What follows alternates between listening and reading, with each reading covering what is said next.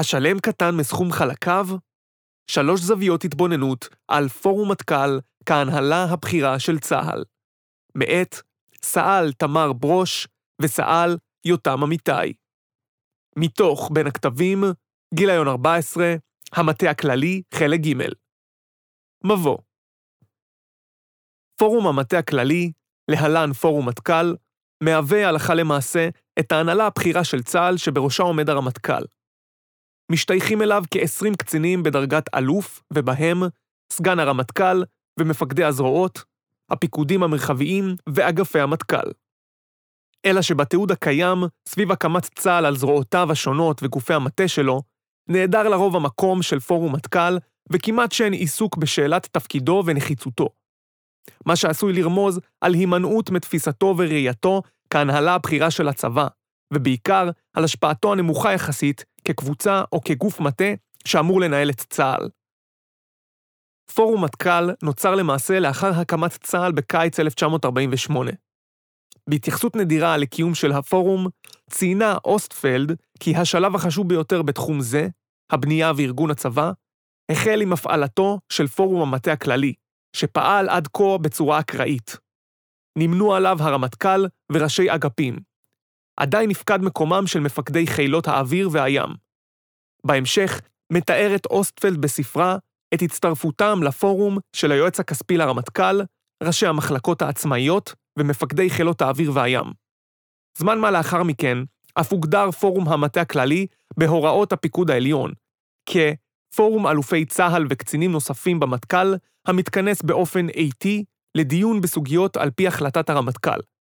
ברם, למרות שמדובר בפורום המפקדים הבכיר בצבא, עדיין יש מקום לשאול, האם פורום מטכ"ל נחווה וחווה עצמו כהנהלה הבכירה של צה"ל? והאם ממוצה במסגרתו הפוטנציאל המשותף של כלל החברים בו? הנהלה בכירה הוא מושג מופשט מעט המקבל הגדרות שונות בארגונים שונים. ניתן, בהכללה, לראות את תפקידה של הנהלה כזו, המקבצת את בכירי הארגון סביב תחומי אחריות משותפים, במטרה לייצר בעזרתם ערך מוסף מוכח וניכר לעין. המאמר הנוכחי מבקש לבחון, בזהירות הראויה, היבטים שונים הנוגעים להיות פורום מטכ"ל, ההנהלה הבכירה של הצבא, תוך התמקדות בשלוש זוויות התבוננות. אחריות ניהולית ומטרות משותפות של הפורום, הובלת תהליכי חשיבה ארגוניים, ואופן מינוי האלופים בצה"ל, המרכיבים הלכה למעשה את פורום מטכ"ל. לצורך כתיבת המאמר, בוצעו 14 ראיונות עם קצינים בדרגת אלוף לפחות, בקבע ובמילואים, המשתייכים או שהשתייכו בעבר לפורום מטכ"ל, ועם גורמים רלוונטיים נוספים שנחשפו לעבודת הפורום. נקדים ונאמר כי התחושה הכללית שעלתה מהראיונות הייתה אי נחת. מרבית המרואיינים סברו שפורום מטכ"ל לא ממצה את הפוטנציאל הטמון בו, וכי מדובר בעיקר בפורום טקסי וחסר מכנה משותף. היה אף מי שהגדירו כשלם הקטן מסכום חלקיו. בעקבות הראיונות שערכנו, ביקשנו להרחיב את ההתבוננות שלנו על הנושא ולבחון היבטים שונים של הפער שנמצא לכאורה בין הפוטנציאל המשותף הקיים בפורום לבין המיצוי שלו בפועל. לצורך כך, שילבנו במאמר סקירה של חומרים תאורטיים לצד ניתוח תכנים שעלו ברעיונות ובחינה של כיוונים והמלצות להמשך. הסקירה התאורטית העלתה שיש מעט מחקר אקדמי אודות הנהלות בחירות בכלל והנהלות בארגונים ביטחוניים בפרט.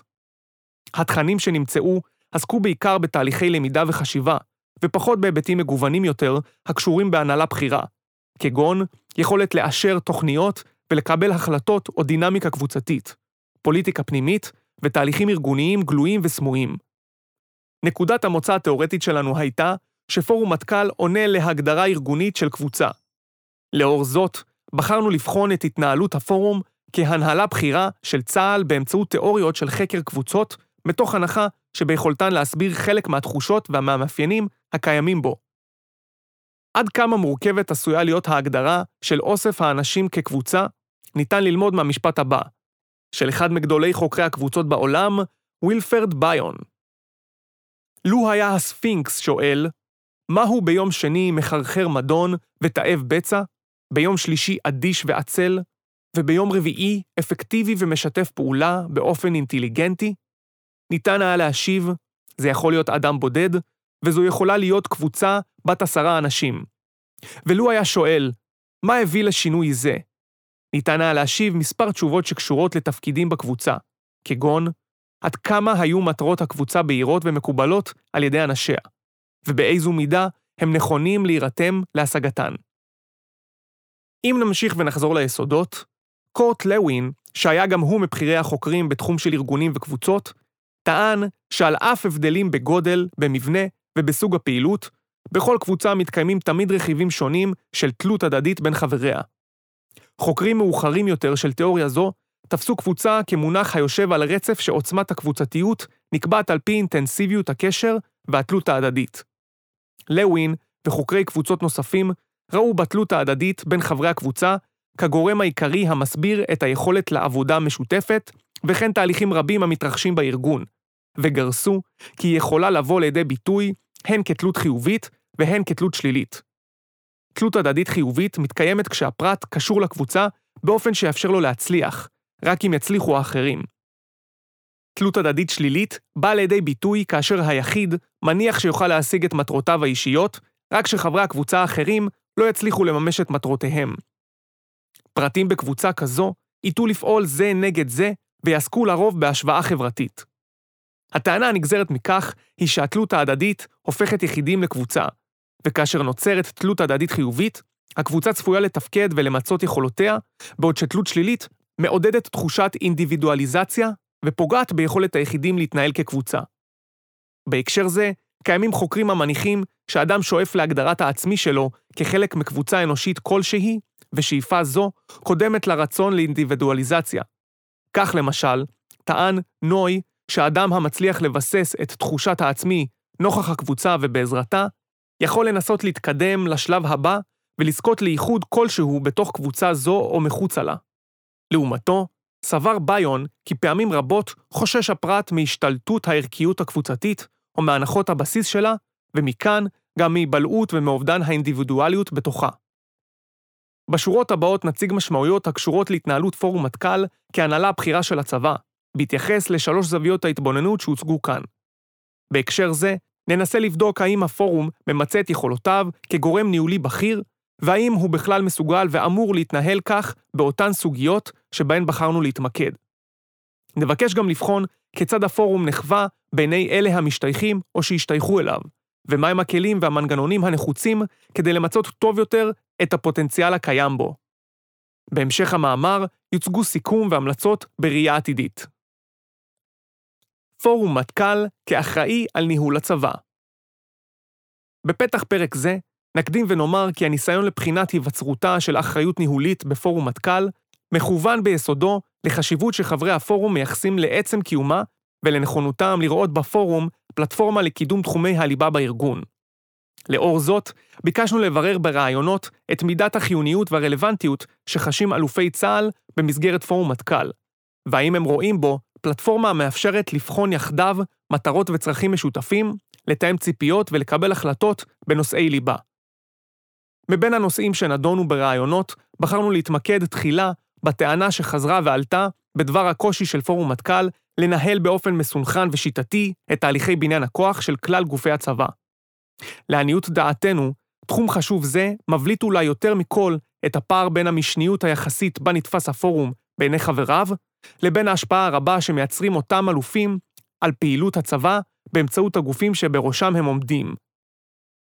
אמנם המרואיינים, עמם שוחחנו, חזרו וציינו כי לרמטכ"ל ולסגנו ולאלופים נוספים יש ראייה רחבה וכוללת, אלא שמבנה הארגון מקשה על יכולת השליטה והפיקוח שלהם באשר לצרכים הסקטוריאליים ולפיתוחים המתקיימים בכלל גופי הצבא. אלוף במיל גרשון הכהן הגדיר את העשייה במטכ"ל כנוכחת בשני רבדים, גלוי וסמוי. לדעתו, פורום מטכ"ל מתנהל כמעין בורד, מעל השולחן, כשלצידו מתקיימים תהליכים חבויים יותר, שבהם מתקבלות ההחלטות החשובות באמת.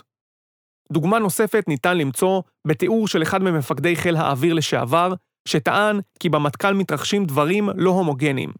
לדבריו, הוא כמפקד זרוע נהג לנהל את צרכיו המבצעיים בעצמו, מבלי לשתף את עמיתיו, או במילותיו, מי שחש מתקדם בפיתוח ובעשייה, מרגיש מאוים במטכ"ל, כי שם עלולים לעכב או לסנדל אותו.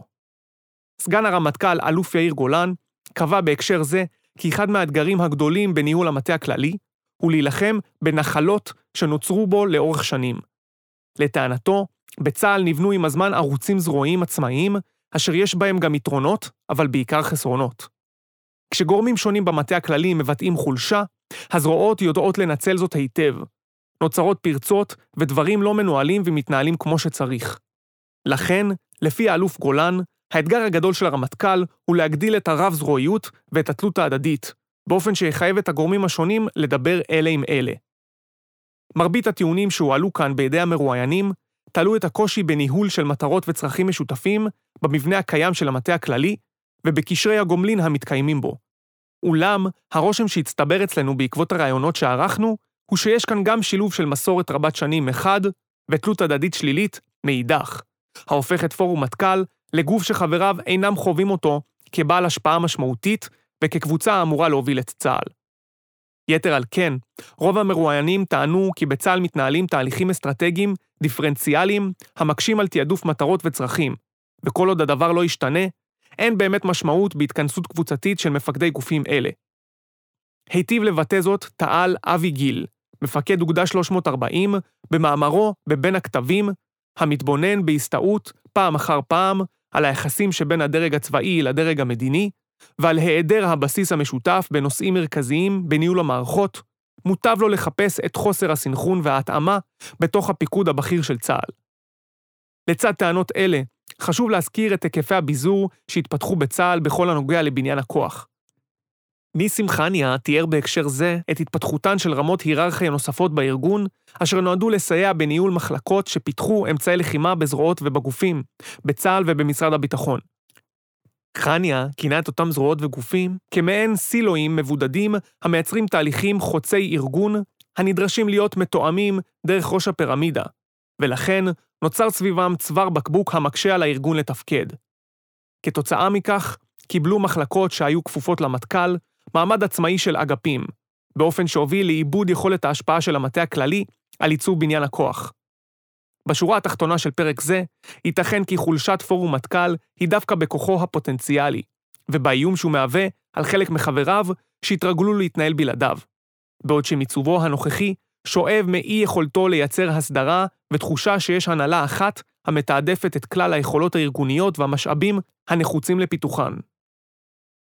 פורום מטכ"ל כמוביל תהליכי חשיבה ארגוניים. נושא נוסף שחזר ועלה ברעיונות שערכנו, נוגע במיצוי היכולות האינטלקטואליות והניסיון הנצבר של חברי פורום מטכ"ל, כדי לייצר תהליכי חשיבה ופיתוח ידע שלאורם אמור הארגון להתנהל. אי לכך, ובהמשך ישיר לפרק הקודם, נבקש לבחון את הפוטנציאל הקיים בפורום בכל הנוגע להובלה של תהליכים מעין אלה בצה"ל וכבסיס להתמקמות כהנהלה בכירה של הארגון.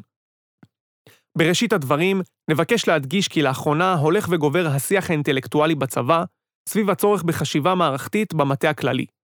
זאת, הן לאור האתגרים המורכבים שעל הפרק, והן בשל הפוטנציאל לפיתוח הידע הקיים בחשיבה מערכתית. אלא שלדעתנו, שיח זה אינו נותן מענה חד-משמעי וברור לגבי מקומו ותפקיד פורום מטכ"ל בהובלה ובהכוונה של תהליכים אלה, ובכך התמקד הפרק הנוכחי. במאמרו בבין הכתבים, מנה אלוף תמיר היימן ארבעה תחנות של עיצוב מושג הלמידה בצה"ל מאז הקמתו.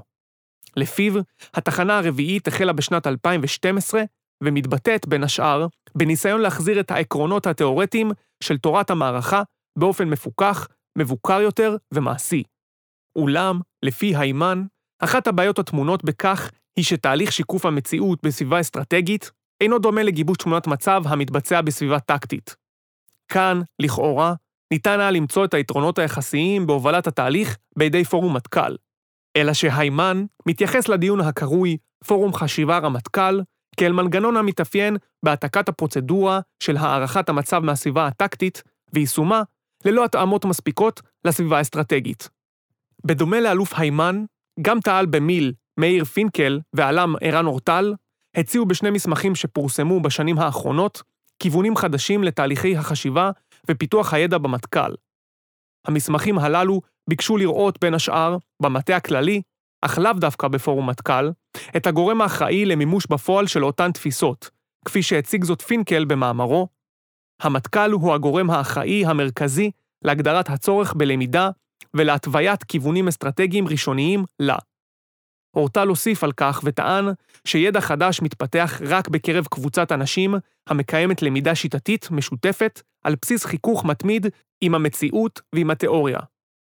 פינקל ואורטל עסקו גם בנחיצות קיומם של תהליכי חשיבה ממוסדים וקבועים במטה הכללי.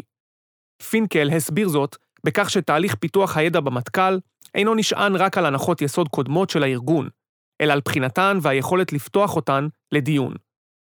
כדי לבחון טענות אלה, ביקשנו לברר האם אמנם מתקיים כיום מנגנון המתקרא פורום חשיבה רמטכ"ל, המורכב מחברי פורום מטכ"ל ובראשות הרמטכ"ל? התשובות בנוגע לכך אכן לא היו אחידות. אך רוב המרואיינים עמם שוחחנו טענו כי גם אם קיים פורום כזה, הוא אינו ממוסד ושיטתי, חסר בו עיסוק עקבי בשיקוף המציאות בסביבה אסטרטגית, והרכבו נקבע בהתאם לצורך ולנושאים שעל הפרק. יתר על כן, אחד המרואיינים אף השווה את פורום החשיבה לקהילה מדומיינת, וטען כי אין בו מבנה המוגדר לאורך זמן, למרות שהרכב משתתפיו קבוע ומוכר לכל. עלם במיל עמוס להמן, שהיה יועץ הרמטכ"ל לענייני חשיבה, סבור כי תהליכי למידה וחשיבה במטה הכללי מייצרים דינמיקה מתארגנת באופן עצמאי, ושלקשרים בין רכיביה יש משמעות רבה. גם הוא התייחס לרובד הסמוי בארגון, וציין כי זהו האזור בו מתנהלים תהליכים מעצבי מציאות. לכן, טוען להמן, חשיבה מערכתית הינה אפקטיבית כשרוצים להשפיע על תפיסות האנשים במערכת. בין השנים 2002 ל-2004, סייע העלם במיל להמן לרמטכ"ל דאז, משה יעלון, בהובלת פורום חשיבה ממוסד במטכ"ל, אשר אפשר פיתוח של ידע ויצירת דירקטיבות לבניין והפעלת הכוח בארגון. תהליכי החשיבה המערכתית במסגרת הפורום עסקו הן בניתוח המציאות האסטרטגית, והן בניסיון לעצב מחדש תפיסות מבצעיות, היכן שנדרש היה לעשות כן. ואולי לא פחות חשוב, בעצם ההשתייכות לפורום היו טמונים סטטוס ויוקרה שגרמו לרוב אלופי המטכ"ל לרצות ולהצטרף אליו. על תהליכי החשיבה בעידן הרמטכ"ל יעלון, כתב במאמרו תעל אבי גיל. יעלון ביקש למצב עצמו כרמטכ"ל באופן שונה, ובניגוד לקודמיו שהתרחקו מליבת העשייה, החליט להוביל את מרבית תהליכי פיתוח הידע. לאור הבנתו את חשיבות למידת המנהיג, השקיע יעלון זמן רב בהכנות למפגשי החשיבה ובדיוני החשיבה עצמם. מרואיינים נוספים למאמר זה הדגישו את חשיבותם של תהליכי חשיבה מעין אלה בשל יתרונות קוגנטיביים יחסיים שאמורים להיות מצויים בקרב אלופי המטכ"ל. כך למשל, אלוף יאיר גולן, סגן הרמטכ"ל, טען שבדרגים אלה נדרש אומץ לב מחשבתי, אשר יתבטא ביכולת ובנכונות של אלופי צה"ל ליצור תפיסות ויוזמות משלהם, ולהותיר חותם אינטלקטואלי ברור ומאתגר. גולן הדגיש בדבריו כי יש אף לחייב את אלופי המטכ"ל בכתיבה עצמית של התפיסות המובילות בארגון, ולא להסתפק בכך שיאשרו תפיסות קיימות או שיבזרו את הליך הכתיבה לגורמים הכפופים להם. גם אלוף במיל יעקב אור, אשר עסק בין השאר בפיתוח ובניהול הידע במטה הכללי, ובהיותו בעבר רח"ט תוהד, סבור כי פורום מטכ"ל אכן מהווה קבוצה של קצינים בעלי ידע, חוכמה וניסיון עצום שחשוב להיעזר בו. ובכדי שכל אלה ינותבו לתהליכי חשיבה סדורים שירחיבו את מעגל הידע הקיים, נדרשת בנייה של מנגנון מהותי אשר יאפשר עיסוק נרחב בחשיבה אסטרטגית הרלוונטית לצורכי הארגון. במקביל לכך, הצביע השיח האינטלקטואלי בנושא גם על קשיים שונים המעכבים תהליכי חשיבה במטה הכללי בכלל, ואת מעורבות פורום מטכ"ל בהם בפרט. כך למשל, אלוף תמיר היימן תיאר במאמרו כיצד בהיותו רח"ט תוהד הוא ספג ביקורת על כך שהוביל תפיסות מבצעיות של הפעלת הכוח במקום המפקדים עצמם. היימן ציטט בהקשר זה קצין בכיר במטכ"ל שאמר, בין השאר, כך לא לומדים. בשביל להשתנות, אנו צריכים לעשות זאת בעצמנו, בהובלה אישית של הרמטכ"ל. אדמסקי התייחס גם הוא לקשיים מעכבי למידה, וטען במאמרו כי הנטייה לכיוון של עשייה הכשירה את הצבא להוקיר את הגישה האינדוקטיבית, שבה הפרקטיקה והידע הפרוצדורלי קודמים לתפיסות מעמיקות. וככתוב בתורה, נעשה ונשמע. אצל הישראלי ככלל, והעוסקים בענייני צבא בפרט, מעשה קודם להבנה.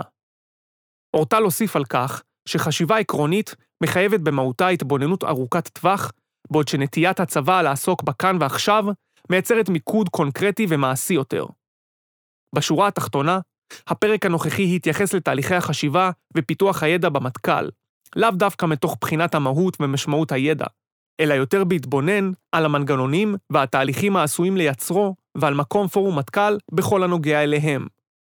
בהקשר זה, אנו סבורים כי בכדי להוביל תהליכי חשיבה אפקטיביים, מתחייב שבפורום מטכ"ל תיווצרנה תחושות של קבוצת עבודה ושל תלות הדדית חיובית, שתאפשרנה חוויית משמעות ועשייה משותפת. בד בבד, יש לזהות את הערך המוסף שמייצר כל אחד מהאלופים, ולתעל אותו לתחומים שיש לו בהם יתרונות יחסיים. משמעות הדבר היא שגם הרכב חברי הפורום, בדגש על תרומתם לחשיבה משותפת, הינה סוגיה שיש לקחת בחשבון בתהליכי קבלת ההחלטות לבחירת הדרג המוביל. הליך הבחירה והמינוי של אלופים בצה"ל. זווית התבוננות נוספת שבחרנו להתמקד בה, כתחום משלים, עוסקת בשאלה כיצד נכון לבחור ולמנות אלופים בצבא, ומכאן גם להרכיב את פורום מטכ"ל. חשיבות נושא זה אינה מוטלת בספק, היות שמדובר בסימון קבוצת האנשים המובילה בארגון, ובצה"ל הוא אף מקבל משנה תוקף, שכן הקידום בו מתבצע מבפנים, ופורום מטכ"ל מורכב מקצינים שצמחו מתוך המערכת ושמוכרים לכל. נקדים ונאמר שאין חולק שלהליך קבלת ההחלטות העוסק בקידום ברמות כה בכירות, מגיעים קצינים מוכשרים ועתירי הישגים, ועדיין חשוב לשאול, האם בבחירת האלופים נבדקות גם יכולתם להפוך חלק מהנהלה בכירה בארגון, ותרומתם הפוטנציאלית כחברים בקבוצה, פורום מטכ"ל, או ששיבוצם נגזר רק על בסיס הישגי העבר שלהם, מבחינת התאמתם לתפקיד ולדרגה כאינדיבידואלים? באוגוסט 2010 פורסם דוח מבקר המדינה שבחן היבטים שונים הקשורים לתהליך המינוי של הקצונה הבכירה בצה"ל. הדוח התמקד בחשיבות קיומן של אמות מידה להליך המינוי, של תהליכים שיטתיים לבחינת התאמה, ושל קריטריונים לקידום מועמדים לתפקידי הקצונה הבכירה ביותר, בדגש על הקידום לדרגת אלוף. דוח המבקר העלה לסדר היום את חשיבות הבחינה המחודשת של תהליך מינוי הקצונה הבכירה בצה"ל, ויתר על כן, הוא עורר גם בתוך הצבא את המודעות לנושא. כך, למשל, התייחס לכתוב בדוח הרמטכ"ל לשעבר גבי אשכנזי, בעודו מכהן בתפקיד הרמטכ"ל, בדיון בוועדת הכנסת לענייני ביקורת המדינה, לגבי מינוי האלופים, אני מקבל את המלצות המבקר, לעגן את התהליך בכתב. צה"ל סיים לבחון את אמות המידה להתאמה לאלוף, בדגש על גיל, הכשרה, מסלול תפקידים ונתונים תומכים. הפ"ע 3.0228 קובעת כי הרשות הממנה קצינים בצה"ל בדרגה של על"ם לפחות היא הרמטכ"ל, ואילו הרשות המאשרת היא שר הביטחון. תהליך מינוי קצינים בדרגי תע"ל ועל"ם מתקיים במסגרת דיוני שיבוצים הנערכים ברשות הרמטכ"ל. מדובר במנגנון שיטתי, אשר דוח מבקר המדינה התייחס אליו במילים הבאות. בהליך המינוי לדרגות בחירות, בין צה"ל לתע"ל, מתקיים תהליך מובנה וסדור. אלא שלמרות השיטה והסדר הקיימים בתהליכים אלה, כשעוסקים בקידום לדרגת אלוף, מצטמצם מאוד השימוש בקריטריונים אחידים ובנתונים תומכים. כאן כבר מדובר בהליך סגור ורגיש, ששותפים לו רק הרמטכ"ל ושר הביטחון, וייתכן שחסר בו מידע העשוי לסייע בקבלת ההחלטות. אמנם, מדובר באוכלוסייה קטנה מאוד של מועמדים, המוכרת היטב לרמטכ"ל, אף שלא בהכרח לשר. ברם, גלוי וידוע כי הליך זה גם מושפע בחלק מהמקרים מטיב היחסים בין השניים. יתר על כן, היות שמדובר בדרג כה בכיר שרק מעטים משתייכים אליו, יש לשאול, האם הצלחות בעבר וכרטיס עבודה מלא הם תנאי מספק כדי להיות אלוף בצה"ל? לעניות דעתנו, ניסיון להגדיר הצלחה בתפקידים קודמים כבסיס לקידום עלול להיות אפקטיבי פחות דווקא בדרגים הבכירים, שכן מושג זה ניזון בדרגים אלה לא פעם מדימויים ומפוליטיקה ארגונית מוגברת, ואינו בהכרח מכיל הגדרות אחידות. יתר על כן, ארגון היודע לייצר תהליכי קידום ושיבוץ מקצועיים ושיטתיים בדרגים הנמוכים יותר, מחויב לראות במינוי בחיריו דוגמה לכלל המשרתים בו. כיום ניתן למצוא בצבאות המערב שיטות קידום ותהליכי קבלת החלטות המכוונים לדרגים בכירים ביותר. צה"ל מנהל גם הוא הליך שיבוץ שיטתי, ואף נחשב מתקדם בתחומו בכל הנוגע להפעלת כלי הערכה ושימוש בנתונים תומכים. ברם, כאמור, הליך הקידום לדרגת אלוף בצבא טרם הגיע למיצוי מיטבי. לאור זאת, ניתן להמליץ על שני צעדים שייתכן שיש ביכולתם לשנות את המצב הקיים. האחד, לקבוע אמות מידה וקריטריונים ברורים לקידום לדרג האלוף בצה"ל. השני, לבחון את המנגנונים הארגוניים הנדרשים כדי לתמוך בהליך זה, בהיבטים של שימוש בנתונים רלוונטיים, הגברת הנראות והשקיפות ועוד. בפברואר 2012 הפיצה רמ"ח הסגל באכ"א טיוטה לנוהל הליך מינוי אלופים בצה"ל. בטיוטה נכתב כי מטרת נוהל זה להסדיר את תהליך אישור מינוי אלופים בצה"ל. בהמשך, מופיעות בטיוטה אמות מידה אישיות וארגוניות למינוי, וכן פרק שיטה שבה מופיע פירוט תהליך המינוי בשלושה שלבים. אחד השינויים המשמעותיים בטיוטה טמון בהצעה לשימוש בנתונים תומכים בהליך מינוי האלופים, שלב ג' סעיף ו'. אלא שטיוטה זו טרם הפכה לנייר רשמי ומחייב, וגם המלצות מבקר המדינה לא ייצרו עדיין את השינוי המתבקש בכל הנוגע להליך מינוי האלופים בצה"ל. מעבר לכך, נשאלת השאלה, איך נכון לבנות קאדר אלופים שימצה את יכולותיו גם כקבוצה ולא רק כבודדים? אלוף במיל יעקב אור הציע שלושה קריטריונים למינוי אלופים בצה"ל. שיתאימו לפקד על המסגרת עליה הם ממונים. שישתלבו בפורום מטכ"ל מבחינה חברתית וביכולת לבטא ראייה מופשטת במגוון תחומים. שיהוו פוטנציאל לתפקידי אלוף נוספים, ובמידת האפשר, גם לרמטכ"לות.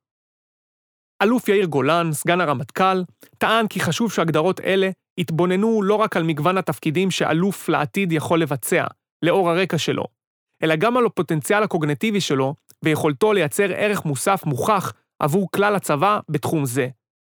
גולן אף סבור שיש לקבל החלטות אמיצות במינוי אלופים לעתיד בשלב מוקדם יותר.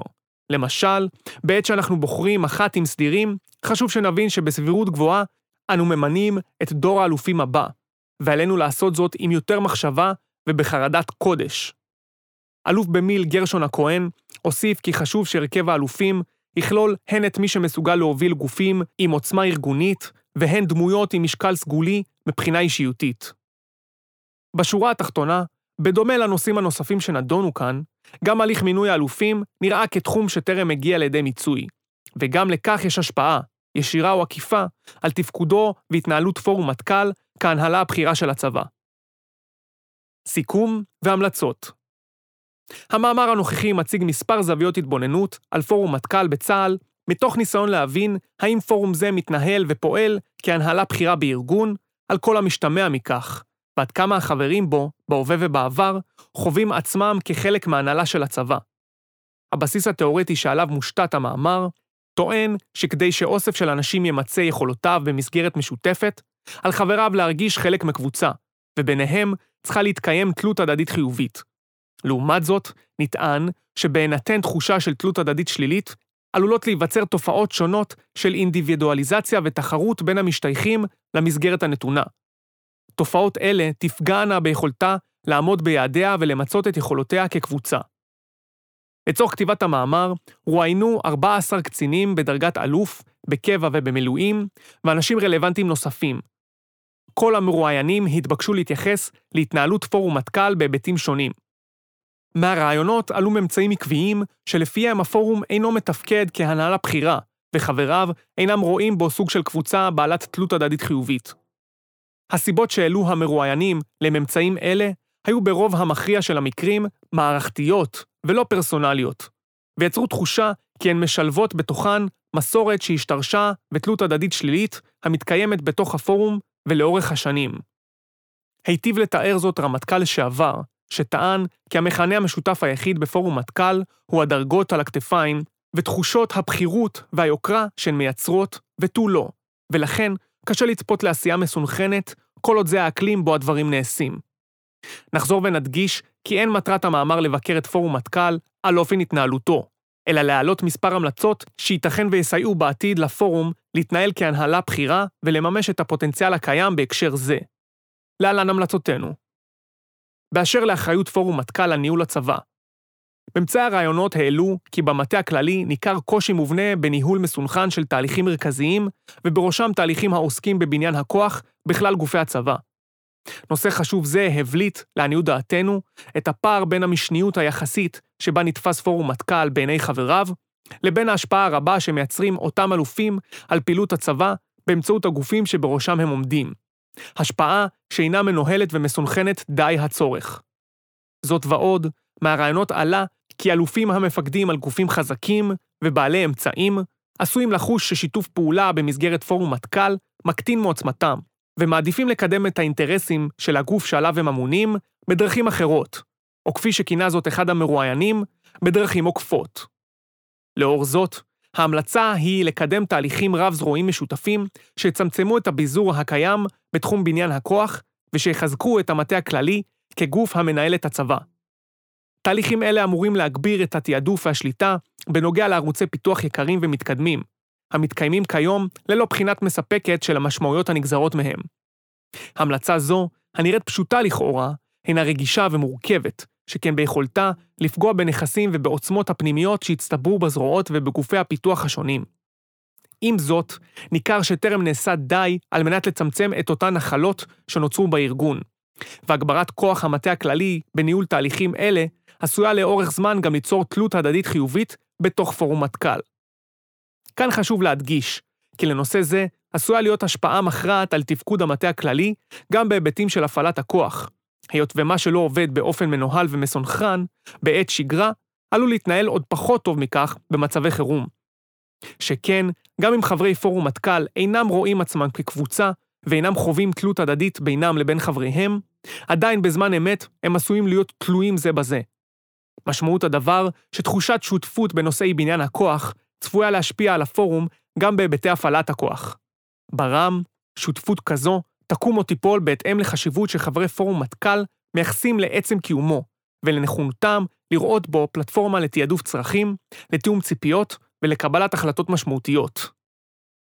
גם בתחום של הובלת תהליכי חשיבה בידי פורום מטכ"ל, נדרש לדעתנו להקים מנגנונים פורמליים וממוסדים בראשות הרמטכ"ל, אשר ימצאו את הפוטנציאל של חברי הפורום.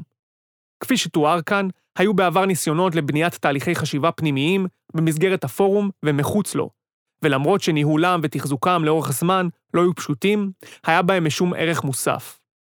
עובדת היעדר פורום חשיבה מובנה וקבוע לאלופים בשנים האחרונות, מעידה על המורכבות והרגישות הפוליטית המתקיימות תמידית במרחב המטכ"לי. אולם העיסוק בנושא במסגרת המאמר, חזר והבליט את חשיבות הקיום של מנגנון כזה כמוביל תפיסתי, ואת היתרונות הפוטנציאליים הטמונים בו. לאור זאת, המלצתנו היא לייצר מנגנוני חשיבה קבועים ורצופים במטה הכללי, בראשות הרמטכ"ל, אשר יקדמו תהליכים אסטרטגיים ויאתגרו את הנחות היסוד של הארגון. ביכולתם של מנגנונים אלה לייצר קשרים פנימיים וערך מוסף ייחודי, ולגרום לאלופי המטכ"ל לרצות להשתייך אליהם ולהשפיע באמצעותם, ובעיקר, לעצב דרכם את המציאות האסטרטגית בה הצבא פועל. באופן ספציפי, נמליץ לקיים תהליכי חשיבה בפורום מטכ"ל בשני מבנים עיקריים. 1. פורום חשיבה, רמטכ"ל, שבו ייטלו חלק מספר אלופים ורלוונטיים נוספים, חלקם קבועים וחלקם משתנים, בהתאם לנושאים שיידונו. 2. קבוצות חשיבה מצומצמות ותלויות הקשר בראשות הרמטכ"ל. לכל אחת מהן משתייכים אלופים קבועים, ואליהם מצטרפים רלוונטיים נוספים על פי הצורך.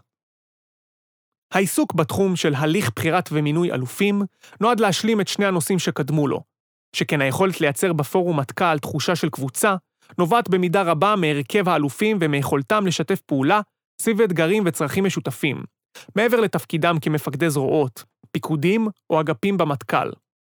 אין מחלוקת של התמודדות על קידום לדרג האלופים מגיעים רק מפקדים מוכשרים ועתירי הישגים. ברם, העיסוק במינוי אלופים מתמקד מדי, לטעמנו, בהישגי העבר של המועמדים ובמידת התאמתם לתפקיד ספציפי, ופחות מכך, אם בכלל, בהיותם קבוצה המובילה וחלק, רשמי או בלתי רשמי, מההנהלה הבכירה של צה"ל. טענה זו מקבלת משנה תוקף גם לאור הליך המינוי עצמו, אשר למרות היותו עוסק בקידום ובשיבוץ לתפקידים הבכירים ביותר בארגון, על כל הרגישות הנגזרת מכך, עדיין לא נמצאה נוסחה לקיימו באופן השיטתי, המבוקר והמקצועי ביותר שניתן, ולכך עשויה להיות גם השפעה באשר ליכולת להתבונן על הרכב הפורום כשלם. לאור זאת, ההמלצה היא לתת הדגש רב יותר לתמהיל של הרכב האלופים, באופן שיאפשר תכנון נכון של תפקידי האלוף הראשונים עבור מועמדים פוטנציאליים להובלת הצבא, והשקעת מחשבה במידת התאמתם של אותם מועמדים להוות חלק מפורום מטכ"ל כחברי ההנהלה הבכירה של הארגון. בד בבד, חשוב לממש וליישם בפועל את המסמך שהפיץ זה מכבר רמ"ח הסגל, נוהל הליך מינוי אלופים בצה"ל. מסמך זה מציע הליך המכיל אמות מידה אישיות וארגוניות למינוי אלופים, תוך הקפדה על נראות ושימוש בנתונים תומכים, כמקובל בהליך המינוי הקיים בכל הדרגים הנמוכים יותר. לסיכום, ראיית פורום מטכ"ל כהנהלה הבכירה של הצבא אינה תנאי בל יעבור. פורום זה התנהל במבנהו ובמאפייניו הנוכחיים לאורך שנים, וביכולתו להתקיים כך למשך זמן רב נוסף. עם זאת, נראה כי שינוי באשר לתפקיד הפורום והפיכתו לקבוצה המנהלת הלכה למעשה את צה"ל, עשויים להביא למיצוי טוב יותר של הפוטנציאל הקיים בו, לפחות באותם התחומים שנדונו במאמר זה. אחריות ניהולית ומטרות משותפות, הובלת תהליכי חשיבה ארגוניים, בהליך בחירת ומינוי אלופים. נחזור ונדגיש שחשיבות פורום מטכ"ל כהנהלה בכירה וכקבוצה שחבריה חשים תלות הדדית חיובית, אינה מסתכמת רק בתפעול יעיל יותר של בניין הכוח בשגרה. אמנם, עצם קיום הפורום הינו אמצעי ולא מטרה. אולם קבוצה היא מסגרת העשויה לעודד רעות, ותלות הדדית חיובית מייצרת ברוב המקרים ערבות הדדית, ותחושת שותפות בשגרה מחזקת את שיתוף הפעולה גם בעת חירום ולחימה. ובשורה התחתונה, פורום מטכ"ל יכול וצריך להיות שלם, הגדול מסכום חלקיו.